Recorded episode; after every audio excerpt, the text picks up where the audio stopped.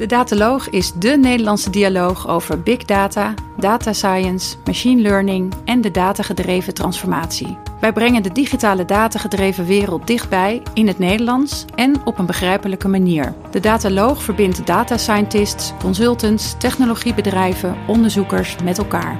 Onze uitzendingen bevatten ronde tafelgesprekken, diepte-interviews, toekomstverkenningen, mini-colleges over machine learning en verhalen van ervaringsdeskundigen. Ja, aan alle mooie dingen komen een eind en uh, zo ook aan de, de, Dutch Data Science Week. Want we zitten hier voor de aller, allerlaatste podcast uh, voor uh, DDSW 2019. En ik zit hier met Marco van der Werf, oprichter van BitStudents en Jeffrey Stoel, een van de deelnemers vandaag aan de Friday Eye sessies hier op de Data Science Week. heren, welkom. Dankjewel. Ja, dank je. Leuk dat jullie zo aan het einde van een, een, een lange dag en een lange week uh, nog even willen aanschuiven en jullie ervaringen willen delen. Tuurlijk. Te beginnen bij jou, uh, Marco, want jij hebt net uh, gepresenteerd. Ja. over de toekomst van AI. Ja, bijzonder onderwerp, hè. Ehm, we worden daar, daar, wel vaker over gevraagd. leuk om te doen. Het is een beetje jullie werk ook, hè, geloof ik? Ja, dat klopt, ja. Vertel, ja. BitStudents, wat doen jullie? Nou, we zijn een groep van 50 Amsterdamse studenten. We studeren allemaal of computer science of kunstmatige intelligentie. Ehm, Drie jaar geleden gestart, vrij snel gegroeid. Uh, grotendeels student. 50 man, hè, hoorde ik. 50 man, 35 studenten, 15 fulltimers. Ja. En uh, we openen dit jaar ook in Delft. En wat we inderdaad erop, ja. ja. leuke plek om te openen. En voor ons superleuk. En wat we, proberen inderdaad, wat we inderdaad proberen te doen, althans waarom het zijn gestart is... ik studeerde zelf computer science. Ik verveelde me daar heel erg. Ik noemde het altijd geschiedenisles. um, en ik wilde heel graag hele mooie dingen bouwen die de toekomst zouden veranderen. Maar mijn opleiding bleek anders, dus we zijn het bedrijf gestart. En um, uh, nu proberen we voor bedrijven de toekomst tien jaar eerder te brengen. En um, ja, we hebben verteld over projecten die we doen. Ja, en uh, wat zijn dat voor uh, projecten die eigenlijk een tijd tien jaar vooruit zijn? Waar hebben we het over ja, gehad? Ja, goede vraag. Nou, we doen verschillende soorten projecten. Dus kunstmatige intelligentie is een heel groot deel van wat we doen. Maar we doen ook heel veel hardware en software en een combinatie daarvan. Um, we hebben het vandaag bijvoorbeeld gehad over een project die we doen... waarin we wifi-signaal proberen te trainen om mensen te zien... Um, de reden dat je dat zou willen doen is onder andere om bijvoorbeeld te kijken als er een calamiteit is in een, uh, in een pand, dan wil je weten hoeveel mensen er nog in een pand zijn. Nou, typisch zie je dat in een, in een pand niet heel veel camera's zijn en ik moet je ook afvragen of je dat wil. Dus we kijken nu of we wifi-signaal kunnen trainen om mensen te kunnen zien. Uh, wifi-signaal dat... trainen om mensen te kunnen zien ja, door muren heen? Door muren heen. Hoe dat hoe, werkt hoe kan is, dat? Ja. Wifi-signaal kan heel goed door muren heen, maar uh, gaat niet zo goed door water heen. En wij zijn als mensen bestaan wij voor een groot deel uit water. Um, dus we zijn nu aan het kijken of we um, door eerst video als trainingsmateriaal te gebruiken. Oftewel, we richten video, we hebben, we hebben een camera in een, uh, in een ruimte. Um, die camera die laten we herkennen hoeveel mensen er in een ruimte zijn. We hebben dan wifi-signaal dat reflecteert op mensen. en door het videomateriaal te, te, te gebruiken, trainen we het wifi-signaal om uiteindelijk te kijken of er mensen zijn. Nou, dat, dat lukt nu redelijk. Um, maar in potentie kan de technologie niet alleen maar tellen hoeveel mensen er zijn, maar ook je romp, je armen en je benen zien. Zover zijn we nu nog, zijn we nu nog niet. Ja, in jullie presentatie zat een aantal filmpjes ook uh, waarin dat dan uh, misschien uh, gesimuleerd is of van een andere plek komt. Ja, dit is een research paper, dat komt van MIT. Dus ja. typisch wat we doen is we krijgen een probleem van een bedrijf en daar zoeken we allerlei research papers bij, dingen die net uit zijn gekomen. en we proberen dat te plotten op een, op een probleem en te zorgen dat we een eerste prototype daarvan werkend kunnen krijgen. Dus een echt eerste werkende versie. Ja, ja te gek. En Jeffrey, jij zat, nou, je bent de hele dag erbij geweest, maar je zat dus ook bij deze sessies.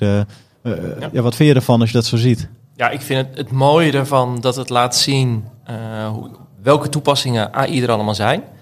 Uh, en ik denk dat dat ook de grootste uitdaging is om mensen mee te krijgen. AI aan zich is een, is een, is een hypebegrip. Je hoort het overal voorbij komen. maar heel weinig mensen snappen wat je ermee kan en, en hoe het ze kan helpen. En juist door dit soort gave voorbeelden te zien, denk ik dat je ja, iedereen kan helpen om een beter begrip te krijgen. Wat kan, ik er, wat kan ik er nu mee als bedrijf? Wat kan ik er mee als persoon? Waar kom ik er tegen?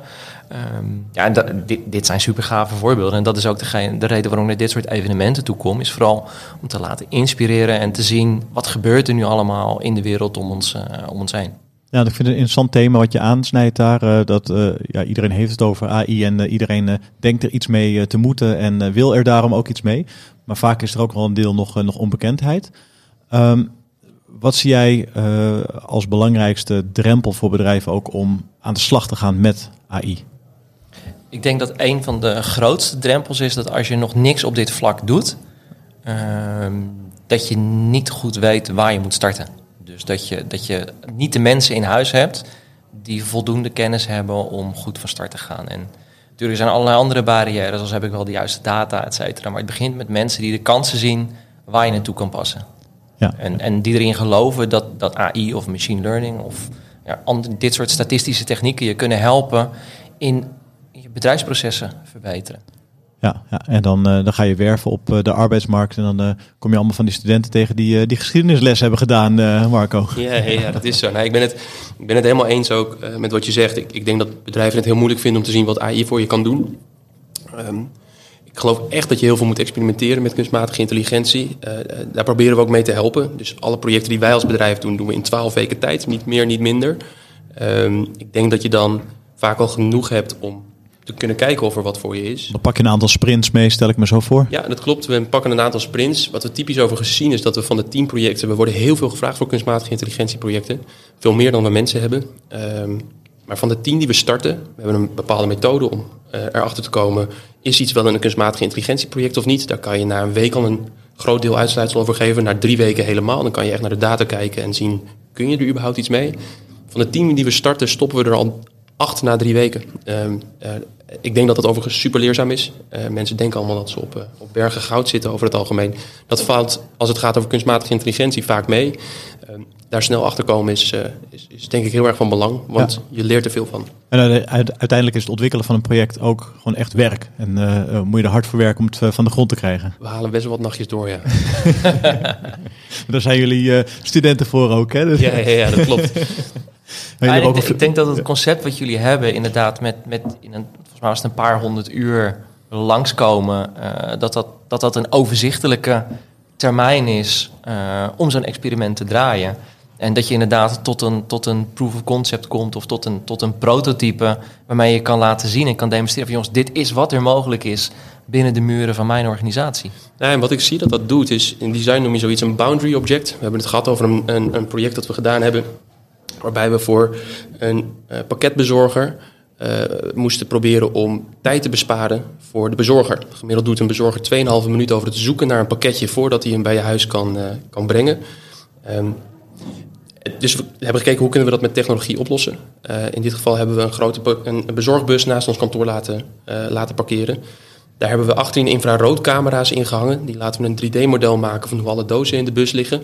En we hebben toen een 360 graden laser gebouwd die precies die ene doos aanwijst die de bezorger moet pakken. Eh, we besparen daar 45 seconden mee, maar goed, het hele prototype zat vast met duct tape en er zat een hele grote computer in de, eh, in de bus. Maar het toffe was dat de financieel directeur van het, pand, of van, van het bedrijf de, bus inkwam. En de eerste vraag die je stelde is, wanneer kunnen we dit hebben? En ik denk dat dat soms de kracht kan zijn van het bouwen van prototypes in korte tijd. Dat je mensen overtuigt. En Volgens mij, eh, een van de quotes die je liet zien, was eh, een, een, een plaatje zegt meer dan duizend woorden, maar een prototype bespaart duizend meetings. Ja, ja, ja. Even picture is worth a thousand words. A prototype is worth a thousand meetings. Ja, ja, exact. En eh, vanmorgen hadden we ook eh, in een andere podcast gesprek met uh, Doron Reuter van eh, ING. En zegt, ja, het allerbelangrijkste wat je nodig hebt is die buy-in op het hoogst mogelijke niveau binnen je organisatie. Uh, datzelfde wat jij eigenlijk ervaart uh, toen ja. die directeur de bus instapte. Dus ja. Dit, dit, hebben we gewoon nodig. Ja. ja, dat is wat we typisch vaak zien. En ik denk ook dat we uh, de projecten die we aanpakken, we mogen voor grote bedrijven werken. Um, die zijn vaak ook wel zo aansprekend dat mensen graag bij de einddemo's komen kijken. Ja, dat helpt enorm. Dat geeft enorm veel, um, hopelijk veel vaart aan innovatie. Want ik denk dat het daar ook vaak misgaat. Je ziet veel, denk ik, in innovatie dat, uh, dat het een, een, showtje wordt en dat er een leuke einddemo wordt gegeven en, gegeven en dan gebeurt er daarna niks meer mee. Um, ik hou daar zelf niet zo heel erg van. Ik vind het leuk om innovatie te doen die ook nog een grote impact heeft. En, en zorgen dat er dan mensen inderdaad van hoog, hoog in de boom bij een bedrijf meedoen. En het echt kunnen zien en vaak vast kunnen houden. Dat, ja, naar ons idee geeft dat veel.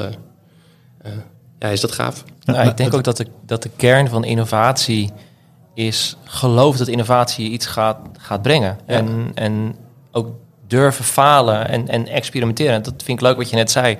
Dat je na drie weken al een aantal projecten gewoon stopt. Terwijl je heel veel mensen door ziet modderen. Omdat ze denken van nou, het gaat wel lukken, het gaat wel lukken. Maar ja, als je na drie weken ziet, jongens, het gaat niet lukken. Trek die stekker eruit en ga je volgende experiment starten. Ja, ja, dan kom ik toch wel even terug ook op dat, uh, dat wifi-tracking uh, traject. Ja. Uh, ja, ik zou graag ook innovaties in productie krijgen bij, ja. bij mijn klant. Um, maar jullie lieten ook zien hoe je dan zo'n zo'n project gaat opbouwen. Ja. En jullie introduceerden een woord wat ik nog niet kende, de, de, de cantenna. Ja, ja, ja. ja, er zit ook heel veel hacking bij. En dan denk je, ja, hoe, hoe ga je dat dan in vredesnaam op enterprise schaal ook implementeren? Ja, dat is natuurlijk heel ingewikkeld. Daar stoppen wij vaak ook. En die cantenna moet je zo meteen nog even toelichten ook als je wil. Nou, daar dan te beginnen. Um, uiteindelijk hebben we een eigen wifi-set setup gebouwd met eigen wifi-antennes. Uh, uh, die antennes die, uh, die konden we niet zomaar halen uit een, uit een, uit een gewone wifi-router. Um, die moesten iets krachtiger zijn. En de apparatuur die we wilden kopen was, was, daar, was behoorlijk duur voor een eerste prototype. Dus we hebben inderdaad heel veel blikken bonen opengetrokken, opgegeten. En, en, en daarmee de wifi-antennes wat, wat sterker gemaakt. Ik hoor in alles door dat jullie een echt studentenbedrijf zijn. Nachten doorhalen, blikken bonen opentrekken. Ja. ja, ja, dat is inderdaad waar. Um, uh, of in ieder geval een bedrijf waar veel, veel, veel techneuten werken en, uh, en een hoop lol hebben. Um, maar dat is natuurlijk waar. Wij bouwen, hè, we, we, we, krijgen vaak een probleem en, en we kijken wat voor nieuwe technologie dat kan oplossen. En we bouwen een eerste werkende prototype. Maar daarna wil je er vaak een pilot mee draaien of wil je het in real life laten draaien. Als je zo'n bezorgbus hebt, dan wil je heel graag dat er tien van die busjes rondrijden in de stad. Dat hebben wij nog niet gedaan. Uh, we werken daarmee samen met een aantal bedrijven, waaronder Go Data Driven. Uh, om te kijken of we het dan ook verder kunnen brengen naar een volgend niveau. Ehm, wij stoppen inderdaad bij de eerste inspiratie. Ik denk wel dat dat goed is, want uh, je kan ook beginnen met een heel groot plan en mm. kijken uh, of je het gelijk kan implementeren. Ik, ik, denk dat het heel goed is om eerst heel veel te leren. Nou, dat wilde ik zeggen. Het is, het is, je ziet heel vaak dat er PowerPoints vol bedacht worden met hele lange plannen die heel veel geld kosten. Uh, en ik denk dat als je aan het experimenteren bent en dat je op die manier eigenlijk in een relatief korte tijd veel meer resultaat kan maken om te bepalen welke kant je op kan gaan. En dat je kan laten zien dat het werkt, of dat je het, geloof erin kan creëren. En dan de next step is inderdaad doorpakken, het prototype groter maken en het schaalbaar maken. Maar laat eerst maar zien dat het werkt en, en verzuip niet in die even lange waterval. Ja, ja mooi. Jeffrey, eh, we zijn aan het einde van de, eh, de week, maar ook aan het einde van deze, deze laatste vrijdag van eh, de Data Science Week. Wat neem jij nou mee naar huis? Ja, ik heb het geluk gehad dat ik een aantal dingen heb mogen bezoeken deze, uh, deze week. Ik ben, maandag was het volgens mij diepte ingegaan met de deep learning uh, training. Gisteravond op Schiphol geweest. Uh, en vandaag dan heel de dag hier. Ja, wat ik eigenlijk gezien heb is dat we in Nederland hele toffe dingen aan het doen zijn op dit, op dit vlak. Um, dat er heel veel leuke bedrijven zijn die daarmee mee bezig zijn. En dat we echt nog aan het begin staan van, van ja, wat het allemaal kan, ons allemaal kan brengen. Maar dat we ook met heel veel bedrijven nog wel de stap moeten durven maken om ja, vol in AI te gaan. Met alle haken en ogen die daar, die daar dan ook aan zitten. Vanochtend ook een heel belangrijk uh, onderwerp besproken en gepresenteerd uh, als opening van de dag. En dat ging over fairness. Hoe zorg je er nu voor dat de modellen die je maakt de juiste dingen uh, voorspellen? En dat je niet bepaalde groepen op een bepaalde manier discrimineert, ongewenst. Doordat je ja, bias hebt, dus een bepaalde voorkeur in je, in je data of in je model. En ik denk dat dat nog een van de, van de, van de ja, zeer interessante onderzoeksgebieden zijn die komende jaren tot, ja, tot, tot bloei moeten komen. Ja, en de invloed van uh, AI op de maatschappij, want dat is het thema van, uh, van deze week, gaat die uh, toenemen de komende jaren? Blijft het hetzelfde of neemt het af? Ik, ik was vanochtend met de trein deze kant op gekomen. Um, en normaal gesproken zit, moet ik eerlijk toegeven, zit ik altijd in de auto. Maar elke keer als ik in het OV zit, verbaast het me hoe we als nomaden naar onze schermpjes zitten te kijken. Nou, dat is een technologie die in een jaar of tien tot, tot groei is gekomen. Ja.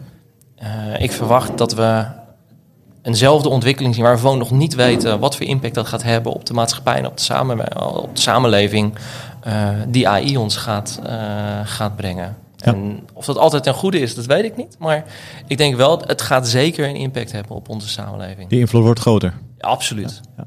Marco, wat denk jij? Ja, ik denk ook dat het groter wordt. Maar als het om technologie gaat, ben ik echt een optimist. Uh, ik denk dat we met technologie nog hele mooie dingen kunnen bereiken in de, in de wereld. Overigens, hè, daar hebben we ook een tijdje in ons praatje over gehad. Ik denk dat we ambitieuzer moeten leren te zijn met z'n allen. Uh, ik vind het fantastisch dat in Amerika Elon Musk is... die probeert en raketten te landen en te zorgen dat we tien jaar eerder elektrisch rijden en ervoor zorgen dat we, dat we autonome auto's hebben. Ja, en wifi overal. En, uh, en wifi overal. Um, en, en, ik mis soms dat soort grote dromers. En ik denk dat technologie daar heel veel kan. Hè. Een van de Een van de startende bedrijven waar Musk ook in heeft geïnvesteerd is Neuralink. Uh, dat is een van brain-computer interface, waarmee we nou ja, dit soort gesprekken dan niet meer met elkaar hoeven te hebben, want dan kunnen we gewoon brain-to-brain ja. uh, communiceren. We hebben een deel daar gisteren van gezien tijdens de AI for Healthcare meetup. er was iemand die had een device waarmee je op basis van je hersensignaal kan typen. Fantastisch. Ging heel langzaam, maar het werkte wel. Fantastisch. Dus ik ben, ik ben echt optimistisch als het gaat over technologie. Um, maar, en ik weet zeker dat het steeds meer invloed gaat hebben op wat we gaan doen. Laatste vraag jou, eh, Marco, eh, voordat wij eh, eruit gaan. Um, ik hoor je een aantal keer Amerika zeggen, MIT, komen de papers vandaan, ja. Elon Musk, grote dromers. Ja. Je werft hier in Nederland of zit je ook al dicht bij de bron waar het gebeurt in, in Silicon Valley en omstreken? Nou, we zijn, we zijn nu al heel hard gegroeid, vind ik, in drie jaar. Ehm, ehm, we willen wel een keer naar het buitenland toe, maar we gaan dus nu eerst Delft openen. Het is wel zo dat in Amerika de studenten heel veel geld betalen om naar de universiteit te kunnen. Uh, om dan daarnaast nog een bijbaan te hebben is, uh, uh, is, is mogelijk niet, niet te verdedigen tegenover ouders. dus, dus we moeten goed kijken naar wat voor steden we willen, willen uitbreiden. Ja, ja heel mooi. En daar wens ik je alle succes bij. Dankjewel. Jeffrey, jij ook succes met alles. Dankjewel. En heel erg bedankt voor het aanschuiven bij deze laatste uitzending vanaf de Data Science Week. Uh, ik heb een fantastische week uh, gehad, maar uh, ben stiekem ook wel een beetje blij dat er nu op zit. En ga lekker nagenieten. Bedankt. Dankjewel.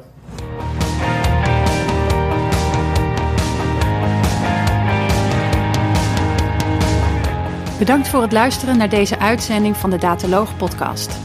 Wil je automatisch wekelijkse podcast ontvangen? Klik dan op subscribe in jouw favoriete podcastprogramma. Vond je onze podcast leuk, goed Interessant of wellicht te veel ene en nullen? Laat een review achter of geef thumbs up. Heb je vragen of opmerkingen? Kijk dan ook eens op www.dedataloog.nl. Hier staan ook de show notes van alle uitzendingen. De studio van de Dataloog is gesponsord door het onderzoeksprogramma Urban Technology van de Hogeschool van Amsterdam. Alles wat we maken doen we onder Creative Commons. Je mag alles hergebruiken voor niet-commerciële doeleinden, zolang je ons als bron maar noemt. Volg ons op Twitter op @dataloog. Graag tot de volgende keer en voor nu, tot data!